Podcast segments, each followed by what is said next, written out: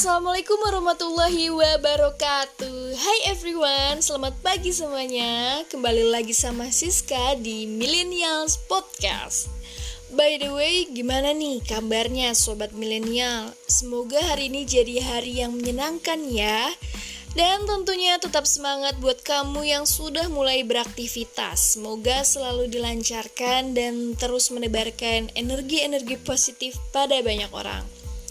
Nah, di episode kali ini aku mau bawain hal yang berbeda nih dari sebelumnya. Biasanya kan kita ngomongin tips and trick. Nah, sekarang aku mau bawain berita menarik dari dunia olahraga. Sobat milenial, saat ini kota Cirebon sedang berbangga pada atlet-atletnya. Pasalnya, tim putra cabang olahraga tenis meja kota Cirebon berhasil lolos babak kualifikasi bahkan menduduki ranking 4 se-Jawa Barat.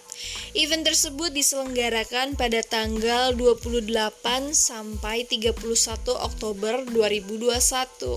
Wow, luar biasa. Nah, Tepat sekali saat ini Siska sedang bersama Ibu Cici. Beliau adalah salah satu pembina sekaligus official tim tenis meja Kota Cirebon.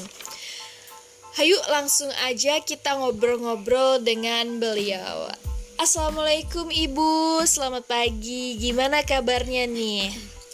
Waalaikumsalam warahmatullahi wabarakatuh. Pagi juga. Alhamdulillah saat ini sehat walafiat. Sebelumnya boleh dulu ceritain dulu Bu gimana apa sih BK Porda itu biar sobat milenial di rumah ini tahu juga nih. Baik, eh, BK Porda itu babak kualifikasi Porda yakni ajang penyeleksian daerah-daerah mana aja yang akan lolos dan layak mengikuti Porda yang akan datang. Begitu. Kalau pordanya sendiri dilaksanakan kapan? Ya sekitar bulan Juni 2022 nanti ya.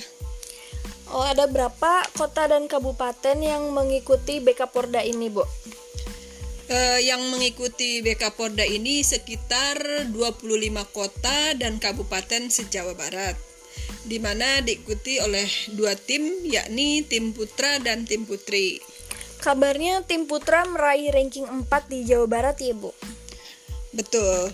Dan saya cukup bangga dan bersyukur atas prestasi yang diraih di posisi sekarang ini, yaitu posisi 4 ya. Di mana nggak gampang memang berada di posisi ini, karena tentunya atlet-atlet dari kota dan kabupaten lain juga sangat bagus-bagus dan semuanya sangat kompetitif. Nah, ini adalah prestasi yang luar biasa untuk kota Cirebon. Karena sebelum-sebelumnya kita hanya bisa menduduki posisi belasan. Oh, perkembangannya yang cukup signifikan ya, Bu. Uh, lalu bagaimana nih kelanjutannya? Persiapan apa aja yang akan dilakukan untuk menghadapi Porda 2022 mendatang? Oh iya, uh, insya Allah uh, kita akan uh, menyiapkan bagaimana official tim para atlet dan seluruh jajaran pengurus PT MSI Kota Cirebon di mana akan lebih memfokuskan program latihan baik itu secara fisik, mental, taktik permainan dan insya Allah kita juga akan memperbanyak sparring-sparring bersama atlet-atlet yang dirasa cukup kuat.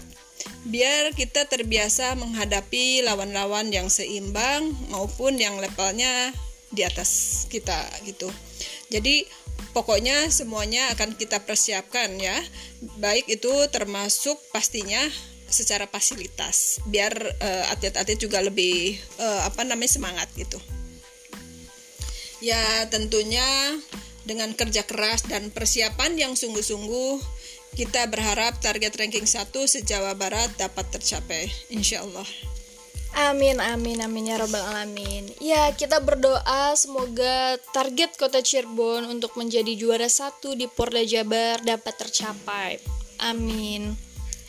Ibu, terima kasih sekali sudah menemani Sobat Milenial pada pagi hari ini. Setelah ini akan ada episode selanjutnya yang tidak kalah menarik, jadi tetap setia dengerin Millennial Podcast.